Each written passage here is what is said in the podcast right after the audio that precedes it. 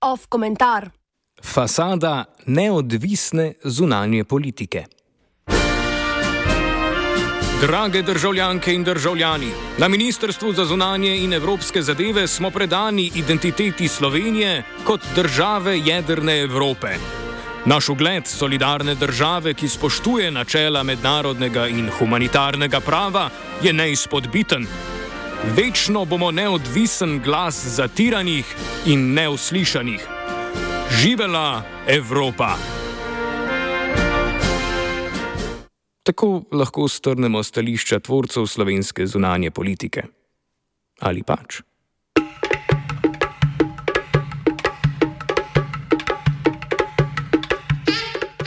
Ministrica za zunanje zadeve Tanja Fajon se je na včerajšnjem zasedanju zunanjih ministrov držav Evropske unije pridružila predlogu za uvedbo prepovedi izdaje evropskih vizumov izraelskim naseljencem na Zahodnem bregu. Preden bi nas prečinila misel, da je slovenska zunanja politika v odnosu do genocida v Gazi naenkrat postala pokončna, je Fajon povdarila nujnost uvedbe sankcij proti Hamasu. To so predlagale vlade Italije, Nemčije in Francije.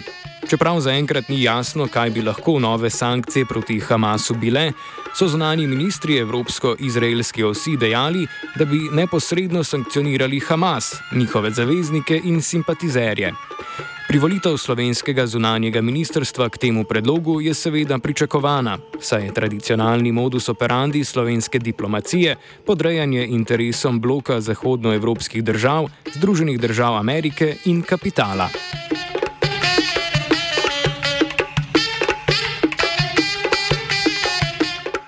Čeprav ministrica Fajon v svojih javnih nastopih pogosto kliče k premirju v Gazi in pošiljanju humanitarne pomoči palestincem, je pri vprašanju priznavanja suverenosti palestinske države ali sankcioniranja Izraela popolnoma podložna.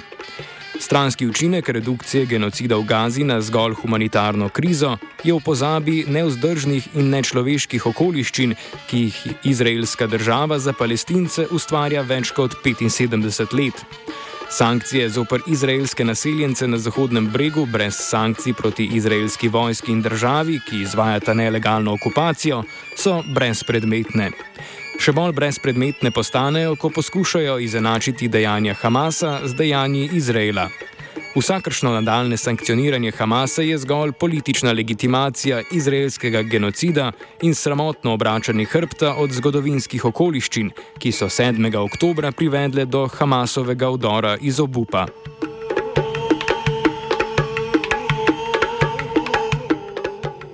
Zunanje ministrstvo se vedno znova zavezuje k spoštovanju načel mednarodnega prava, na to pa v mednarodnih odnosih ravna izredno selektivno.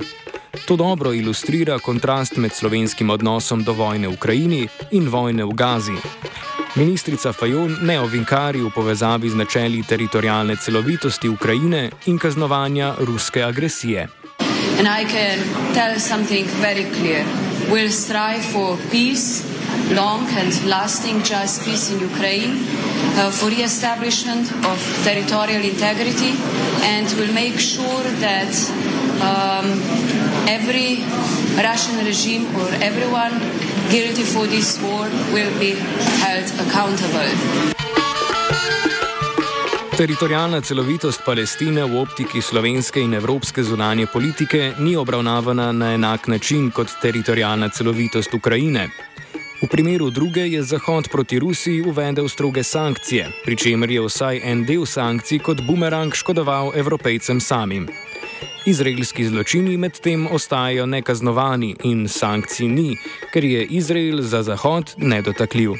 Spoštovanju teritorijalne celovitosti Palestine in uvedbi sankcij proti Izraelu se slovenski zunanje politični vrh izogne z izpostavljanjem izmišljene izraelske pravice do samoobrambe. Treba zelo jasno povedati, pravica do samoobrambe, ko gre za teroristični napad, je pravica po mednarodnem pravu, ampak takrat je treba vedno dati v kontekst, kaj pa tisto humanitarno in mednarodno pravo, ko pa se ne sme civilistov um, prizadeti, ubijati in omejevati kakršenkoli dostop do zdravil, do um, vode, do elektrike in tako naprej.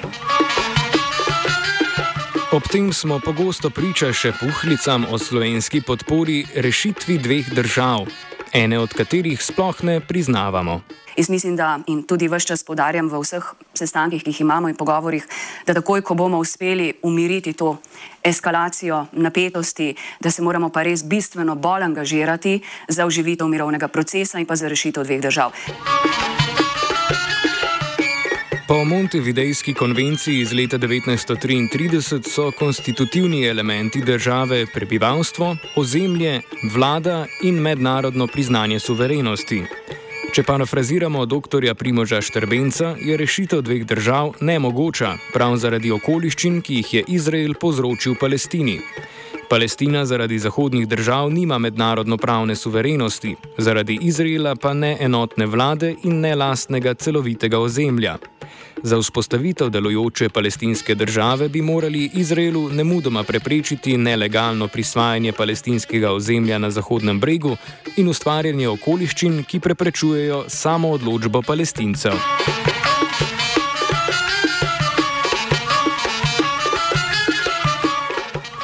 Prejšnji mesec je Komisija za človekove pravice pri Slovenski akademiji znanosti in umetnosti na generalnega sekretarja Združenih narodov Antonija Gutereša naslovila pobudo za ustanovitev mednarodnega sodišča za kaznovanje vojnih zločinov storjenih nad otroki.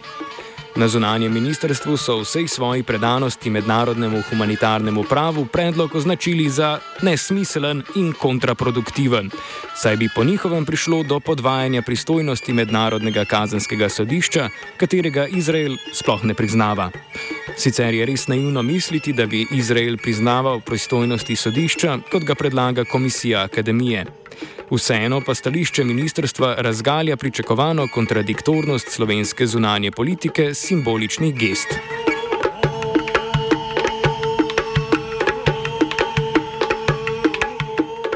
Nobena skrivnost ni, da je slovenska zunanja politika nasploh pogosto zgolj podajanje praznih obljub in moraliziranje.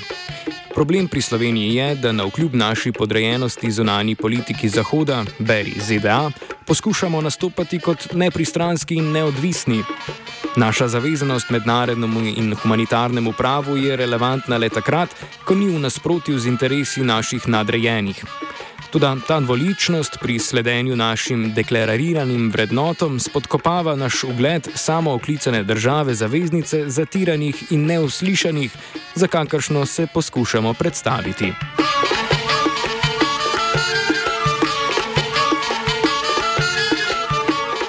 O zunani politiki je moraliziral Jan.